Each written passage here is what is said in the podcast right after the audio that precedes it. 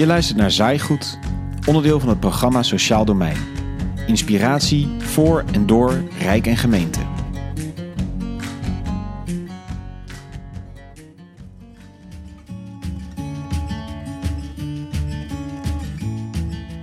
De decentralisaties in het sociaal domein hadden een reeks van doelen.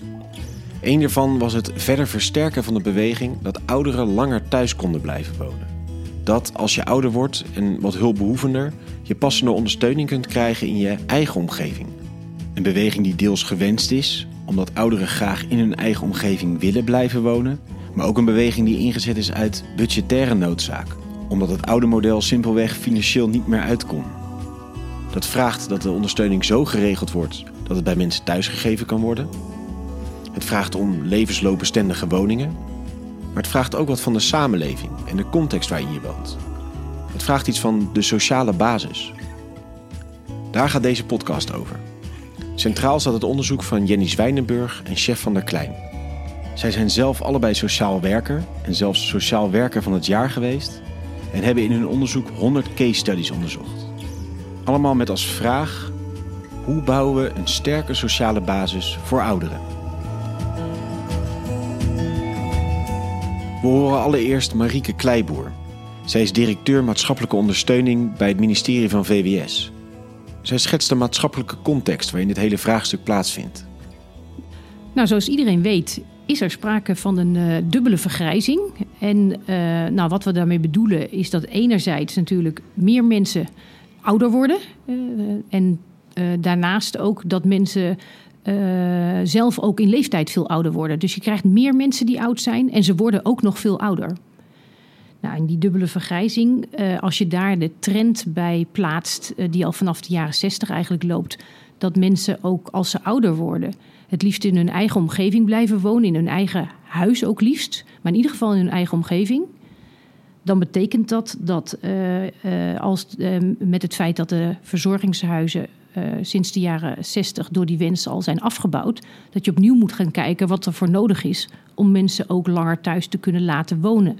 Daarbij is de term sociale basis belangrijk. Chef van der Klein, werkzaam in Tilburg bij een welzijnsinstelling, en Jenny Zwijnenburg, actief als zelfstandig welzijnswerker, hebben samen een onderzoek gedaan naar die sociale basis. Ja, sociale basis is, is een beleidsterm, zo, zo duid ik hem ook. Je wil natuurlijk een begrip wat uh, veelomvattend is en alles, uh, uh, ja, alles omschrijft. En daar zit ook weer het gevaar in, want sociale basis is eigenlijk dus... wat hebben mensen in die wijk en buurt, en in dit geval ouderen nodig... om fijn ouder te worden? In de eerste plaats hebben ze gewoon voorzieningen nodig, zoals winkels. Mensen moeten boodschappen kunnen doen. daarnaast geven mensen ook aan dat er gelegenheden moeten zijn voor ontmoeting. Mensen willen blijven meedoen, ook als ze ouder worden... Uh, medische zorg moet in de nabije omgeving zijn. De huisarts is heel belangrijk, fysiotherapie, thuiszorg. Uh, mensen moeten een woning hebben die toegankelijk is en die schoon wordt gehouden of die ze zelf schoon kunnen houden. Uh, mensen moeten kunnen reizen. Als je niet meer met openbaar vervoer kan reizen, moet daar een andere oplossing voor worden gevonden. En mensen hebben ook allerlei praktische hulp nodig. Als je zelf niet meer goed uit de voeten komt, kunt, of je begrijpt bijvoorbeeld je post niet meer, dan heb je daar een beetje hulp bij nodig. Dat zijn dingen die nodig zijn voor mensen om in hun eigen buurt oud te kunnen worden. Vaak wordt de sociale basis als het fundament van het sociaal domein neergezet. Zo vertelt ook Frans Swinkels, directeur sociaal domein in Tilburg. Uh, we werken vaak met een soort beleidspyramide, waarbij je ziet dat de sociale basis de basis, het fundament is. De tweede laag is dan het stimuleren van persoonlijke ontwikkeling. Het derde laag is eigenlijk het bieden van passende ondersteuning. En de vierde laag is eigenlijk op het moment dat we zien dat het echt niet goed gaat, bijvoorbeeld met kinderen, dan moet je als overheid ingrijpen. Dus dan is bij crisis en onveiligheid grijpen we in. Maar de onderste laag, het fundament, zeg maar, de sociale basis, we investeren daar ook echt in om te zorgen dat we mensen uh, eerder kunnen bereiken, dat ze steviger uh, in de schoenen staan als het gaat over hun eigen leven. En dat ze die passende ondersteuning niet nodig hebben. Deze inzet op de sociale basis heeft verschillende redenen. Zowel inhoudelijke als ook financiële. Het komt natuurlijk ook omdat die passende ondersteuning en die hulp op termijn ook gewoon onbetaalbaar wordt. Of is. Um, Maar het meest, wat voor mij het meest aanspreekt is... Je, je gunt mensen ook gewoon dat ze in hun eigen omgeving een leuk leven hebben... waarbij ze de netwerken die ze hebben in de buurt... of die ze gaan krijgen in de buurt kunnen aanspreken... en daar gewoon prettiger door leven... dan in plaats van een tehuis op, uh, op afstand... waar ze uh, ja, vaak zich ook niet lekker voelen. Om langer thuis te kunnen wonen heb je dus een goede woning nodig. Je hebt de juiste zorg nodig. Maar er moet ook een context zijn waarin langer thuis wonen mogelijk is. Jenny somde het net op. Je moet ontmoetingsplekken hebben. Je moet de deur uit kunnen. Je moet vertrouwde mensen in je omgeving hebben. Er moet een context zijn waarin je goed oud kan worden.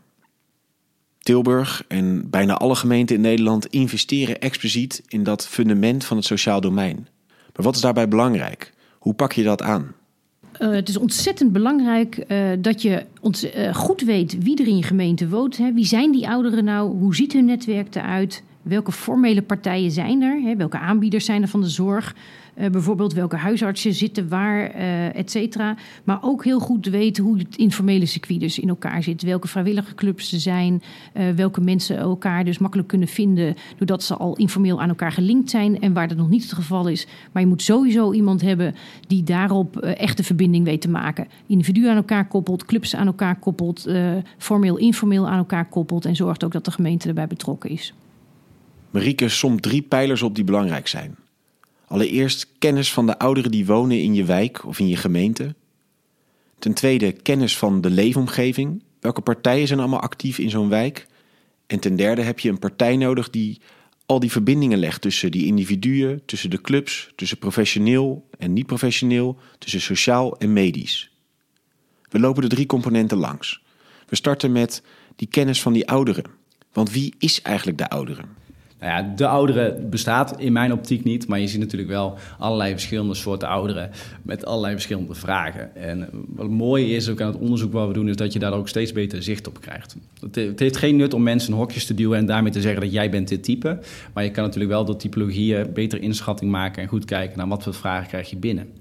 Er zijn ouderen die kunnen nog prima zichzelf redden, maar tegelijkertijd ook veel betekenen voor anderen. En er zijn ouderen die in lichte of in wat zwaardere mate daarbij hulp en ondersteuning nodig hebben. In een onderzoek hebben Chef en Jenny 100 casus onderzocht die aangeleverd zijn door sociaal werkers uit het hele land. Op basis daarvan hebben ze een categorisering gemaakt van het soort ouderen dat je tegenkomt. Ze hebben in totaal 10 typologieën gedefinieerd, die onder te verdelen zijn in vier hoofdgroepen. Op de website van het programma Sociaal Domein vind je een volledige beschrijving van de groepen.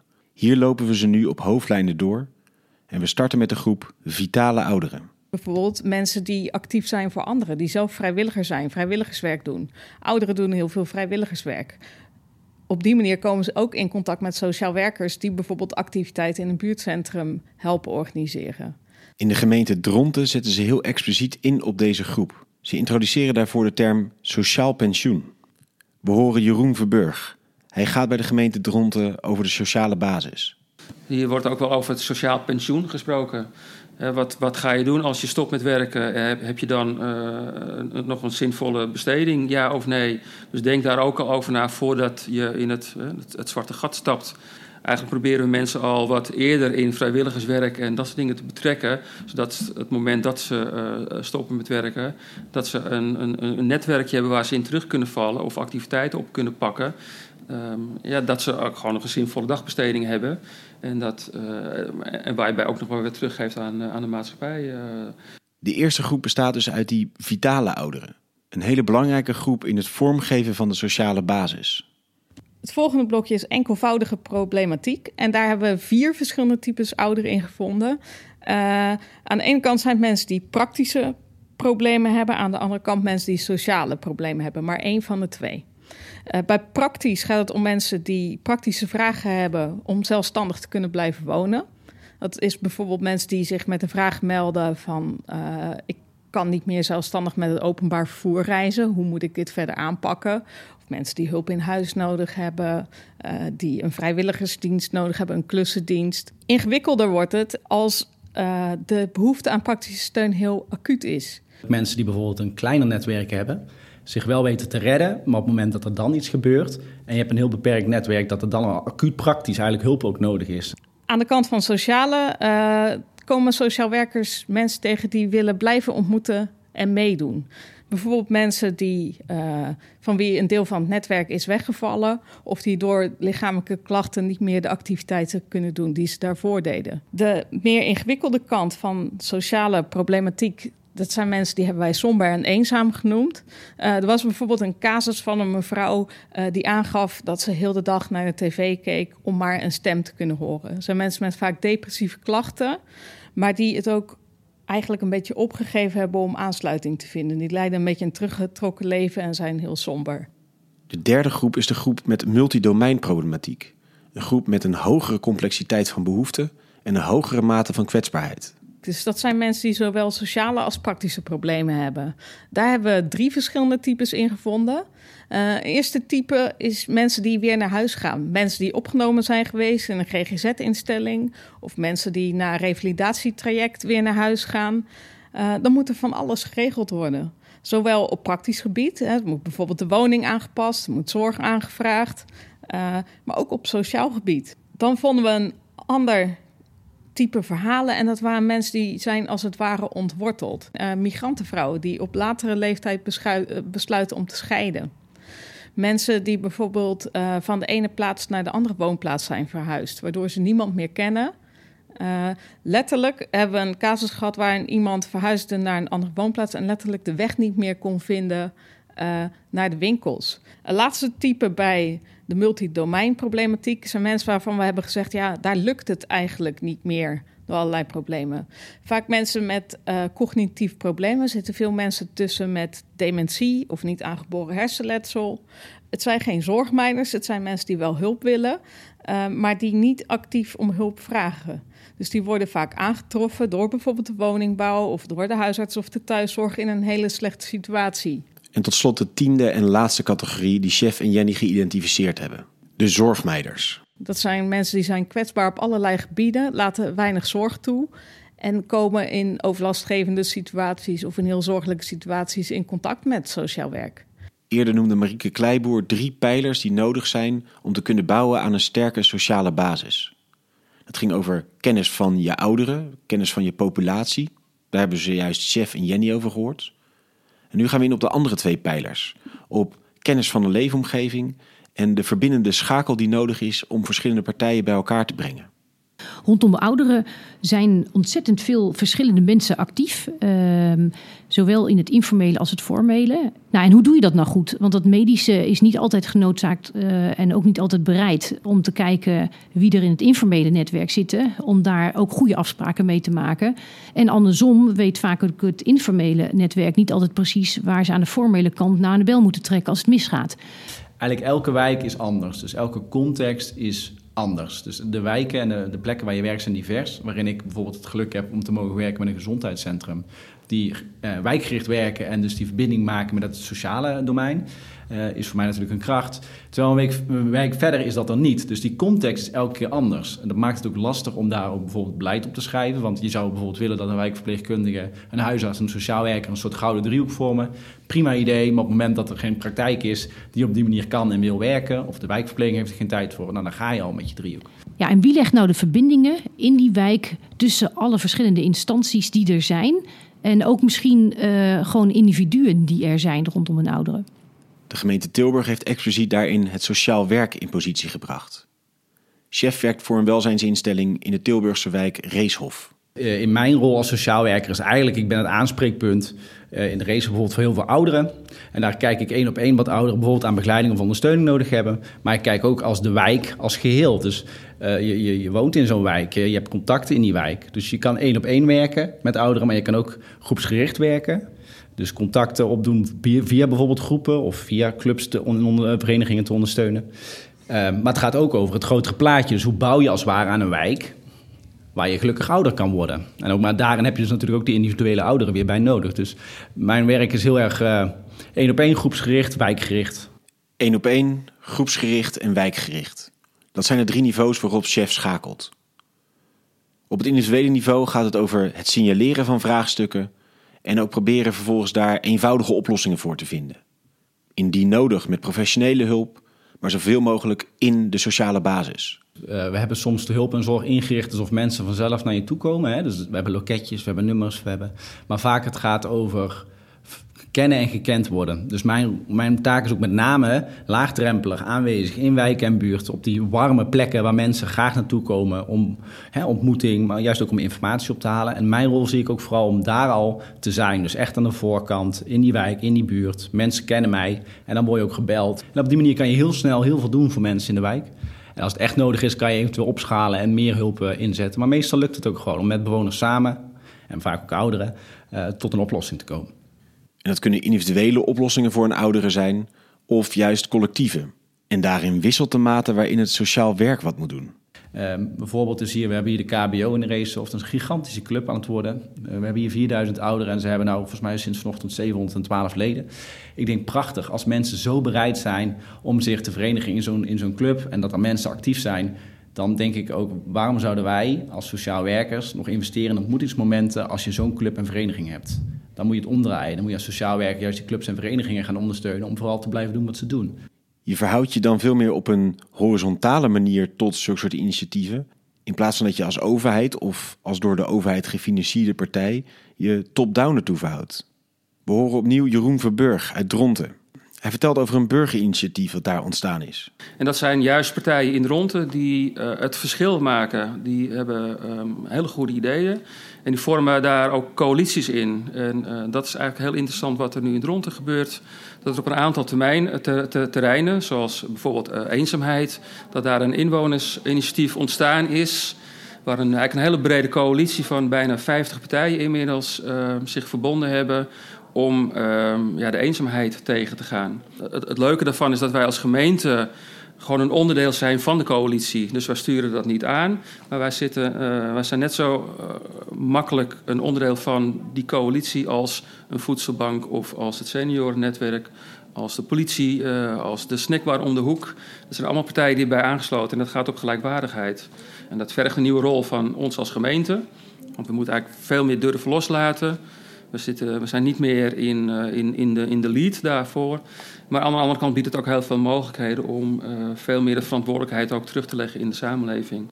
Het beeld wat Chef en wat Jeroen nu schetsen is een soort ideaalplaatje. Mensen komen zelf met initiatieven en het enige wat je hoeft te doen is dat te ondersteunen of eraan bij te dragen. Wat doe je als dat niet lukt? Chef vertelt wat dan zijn rol is. Wat je ziet is dat je vaak dezelfde, verschillende mensen dezelfde soort vragen hebben. Dus ik kom heel veel mensen tegen, bijvoorbeeld met een partner die ze verliezen. Ik kom ouderen tegen die bijvoorbeeld een of andere manier hersenletsel hebben opgelopen. Dan is de vraag, is een collectieve oplossing hè, of een groepsgerichte oplossing niet beter? Dus ze hebben hier bijvoorbeeld gestart met een inloop voor weduwe-weduwnaars. Wat ik dan meestal doe is eerst het inventariseren van hoeveel vragen zijn er nou eigenlijk en wat voor vragen zijn dat? En vervolgens ben ik vooral gaan informeren hè, bij alle clubs en verenigingen die actief zijn. Bij, bij mensen zelf van ja, hoe zou het zijn als? Of wat kunnen we daarmee? En zo kom je dan uiteindelijk tot een concept van wat het zou kunnen zijn. En dat was in deze de inloop. Toen vervolgens hebben we samen met ouderen zelf, hè, ook vrijwilligers, uh, trainingsmomenten georganiseerd over rouw en verlies. Om inzicht te krijgen, nou wat vraagt dat nou eigenlijk? Hè? Wat, wat vraagt van iemand zelf, van de omgeving? En vanuit daar is dus een groep ontstaan. En er zijn ook vrijwilligers opgestaan die zeggen, nou wij willen een bijdrage leveren aan zo'n inloop. En dan een jaar verder hebben we nou elke week een inloop waar 20 tot 25 mensen komen. Waar twee vrijwilligers, echt toppers, uh, heel die ochtend begeleiden. Het aandacht hebben met de mensen. Zorgen dat er ook contact onderling ontstaat. Maar ook de nabijheid van mij als sociaal werker bijvoorbeeld. Als er meer nodig is. Het gaat dus heel erg om het weten wat er speelt in een wijk. Het kennen van individuen, maar ook van organisaties, clubs, professioneel of informeel. Belangrijk daarbij is ook de aansluiting tussen het medische en het sociale domein. Als het gaat om samenwerking met het medisch domein, uh, hebben we het concept van positieve gezondheid gebruikt om duidelijk te maken wie wat nou eigenlijk doet. Positieve gezondheid is ontwikkeld door een arts, Machteld Huber. En zij onderscheidt zes pijlers die evenzeer van belang zijn uh, voor gezondheid volgens mensen en ouderen zelf. En een van die aspecten is lichaamsfuncties. Maar een ander aspect is bijvoorbeeld meedoen of een zinvol leven leiden. Uh, daar ligt ook precies het verschil tussen het medisch domein en het sociaal domein. Het medisch domein richt zich, op, richt zich op lichamelijke gezondheid en mentale gezondheid. En het sociale domein richt zich op meedoen en een zinvol leven voor mensen uh, helpen creëren. Dus als je dat van elkaar weet, dan kun je elkaar ook vinden in die samenwerking. Uh, een arts die steeds een persoon ziet die somber en eenzaam is, die depressieve klachten heeft, kan natuurlijk een, een psycholoog inschakelen en antidepressiva voorschrijven. Maar soms ligt de oplossing in het weer kunnen gaan ontmoeten, het weer ergens bij horen. Dus in dat geval kan de huisarts ook uh, via een concept als welzijn op recept een sociaal werker inschakelen die met iemand gaat kijken van wat heb jij nodig om uh, weer een gelukkig leven te kunnen leiden. Toen ik hier net begon was dat contact minimaal. En je ziet na de jaren heen dat we naar elkaar toegegroeid zijn. Uh, dus je ziet eigenlijk door samen op huisbezoek te gaan, maar ook samen vooral uh, problemen die we zien bespreekbaar te maken, zie je dat langzaam maar zeker die relaties uh, groeien. ik ben dus ook wel trots op dat we in de Racehof samen met het gezondheidscentrum ook gewoon afspraken maken. Van hoe gaan we met elkaar aan de slag als het bijvoorbeeld gaat over ouderen komt heel vaak voor dat ik gebeld word een praktijkverpleegkundige kwetsbare ouderen. Die zegt, nou, ik heb hier mijn vrouw. Chef, wil jij met mij mee op huisbezoek? En zo ontstaan die relaties. En zien ze ook heel goed dat het sociaal werk ook gaat over meedoen, over contact hebben. Maar ook het over organiseren van hulp. Die bijvoorbeeld in het medische circuit de wegen weer niet weten. Zo'n zo wet maatschappelijke ondersteuning, zo'n wijkteam is voor de huisarts niet uh, altijd duidelijk. Dat is weer heel anders als hoe de medische wereld werkt. Zij zien en horen heel veel. En nou is het ook de kracht dat ze ook weten waar ze daar mee naartoe kunnen met hun vragen. Zo'n manier van samenwerken tussen het medische en het sociale, dat klinkt toch gewoon super? Waarom rollen ze dat niet gewoon uit in heel Tilburg? Of waarom rollen we het niet uit in heel Nederland? Wij proberen uh, initiatieven die in de stad ontstaan groot te maken. Dus veel, meer van, veel minder van bovenaf uh, als een soort masterplan uitrollen, maar veel meer van onderaf stimuleren. Maar het woord uitrollen, dat wil ik eigenlijk niet meer horen, omdat dat in het verleden blijkt gewoon niet te werken. Wat wij hebben gebruikt is een concept van Harry Kuneman, filosoof. En die uh, zegt er is een lantaarnpalenlogica en een kampvuurtjeslogica. Hij beschrijft de wereld van uh, beleid als een lantaarnpalenlogica. Daar is helder licht, transparant, iedereen wordt beschenen en dingen worden eerlijk verdeeld. Dat is de, de manier waarop beleid werkt. Aan de andere kant heb je de logica van sociaal werk en dat is meer een kampvuurtjeslogica. Een plek waar het warm is, waar mensen bij elkaar kunnen komen, waar plek is voor verhalen en waar voor iedere persoon een andere oplossing kan worden gezocht. En geen een van deze twee logica's is beter dan de ander. De kunst zit er alleen in om ze te verbinden. Dus je moet een soort tussenvorm verzinnen, of in ieder geval mogelijk maken dat er lokaal allerlei varianten ontstaan die lokaal passen. Um, nou, wij proberen dat te doen door vanuit de Rijksoverheid dan uh, te, uh, uh, situaties te creëren waar mensen van elkaar kunnen leren, waar mensen van elkaar kunnen afkijken. En de werkzame elementen die ze in hun eigen lokale context kunnen gebruiken, dan weer kunnen inzetten.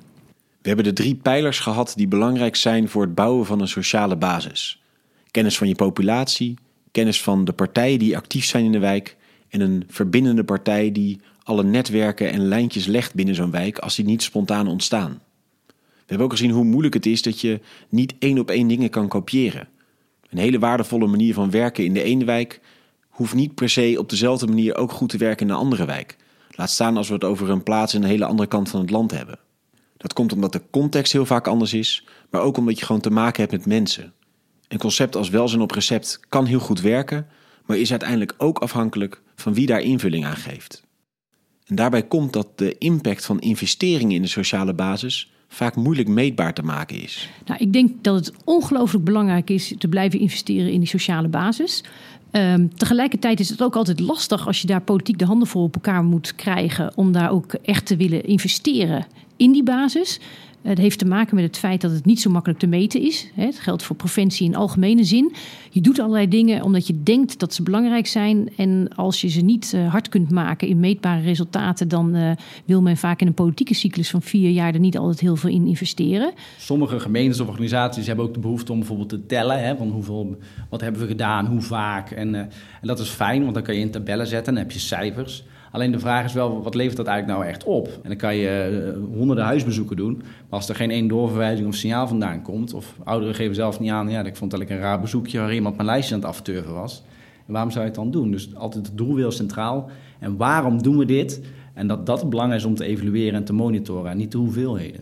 Tilburg meet niet op daadwerkelijk geleverde diensten... maar wel op maatschappelijke outcome het is voor ons wel belangrijk dat wij over het wat langere termijn kunnen zien dat de inwoners gezonder en gelukkiger worden, langer thuis kunnen wonen, Dus minder beroep doen op zware zorg en ondersteuning. En dat soort trends, die willen we wel zien. Het echt als een soort uh, business case maken van als ik hier 1 miljoen investeer, dan rendeert dat uiteindelijk in 2, 3 miljoen. Die blijft lastig. Dus je moet wel geloven in de beweging die je aan het maken bent. En dat doen we dan ook. Maar we meten dit op allerlei terreinen wel. Dus zowel kwalitatief als kwantitatief als financieel. Wat we wel weten is, als je de, de gevallen bekijkt waar het mis is gegaan, heeft het vaak zijn oorsprong al in een vorm van sociale basis. Dat kan een familie zijn, dat kan een buurt zijn, dat kan een wijk zijn of een deel van een stad. Maar we weten eigenlijk dat als we daar niet in investeren, dat we na die tijd uh, de, de, de, de kosten de pan uit uh, stijgen. En de, bij het investeren in sociale basis gaan altijd de investeringen voor de baten uit. Nou, we hebben in Tilburg hebben wij uh, een aantal jaar terug het besluit genomen dat we uh, aanzagen komen dat dit financieel spannend zou worden. We hebben daar een apart voor budget toen voor opzij gezet, een, soort, een zogenaamd investeringsbudget. Dus dat betekent dat we, ondanks het feit dat we financieel in zwaar weer zitten, uh, dat geldt ook voor Tilburg, dat we toch een budget hebben gereserveerd waarin we investeringen kunnen doen die op termijn gaan renderen. Investeren in de sociale basis is daarmee iets van een lange adem zoals elke vorm van preventie dat is. Je ziet niet direct resultaat terug, maar op lange termijn betaalt het zich wel uit. Daarnaast is dat investeren in die sociale basis niet een leuke extra. Het is een van de kerngedachten van de decentralisaties en dus niet zozeer een nice to have. Als het gaat over die zes dimensies van gezondheid, dan vragen we ons bij ouderen eigenlijk niet veel af van mag die lichamelijke zorg geld kosten. Als een oudere uh, kanker krijgt, wordt hij gewoon behandeld, chemotherapie wordt vergoed, daar stellen we geen vraagtekens bij. Maar als we nou weten dat meedoen en ontmoeten net zo belangrijk zijn voor ouderen, uh, dan zou dat ook iets moeten zijn wat we als maatschappij regelen en wat dus ook iets mag kosten, omdat het ook heel veel oplevert. Soms lijkt het net of uh, uh, meedoen en welzijn de kerst op taart zijn. Dat het eigenlijk alleen maar extra is. Maar het is een basis, het is een kern die mensen nodig hebben om gezond te kunnen leven. Het is dus echt niet een, uh, een geval van nice to have. Het is mijn inziens echt een need to have. Je moet daarin investeren, omdat dat de dragers van de samenleving zijn.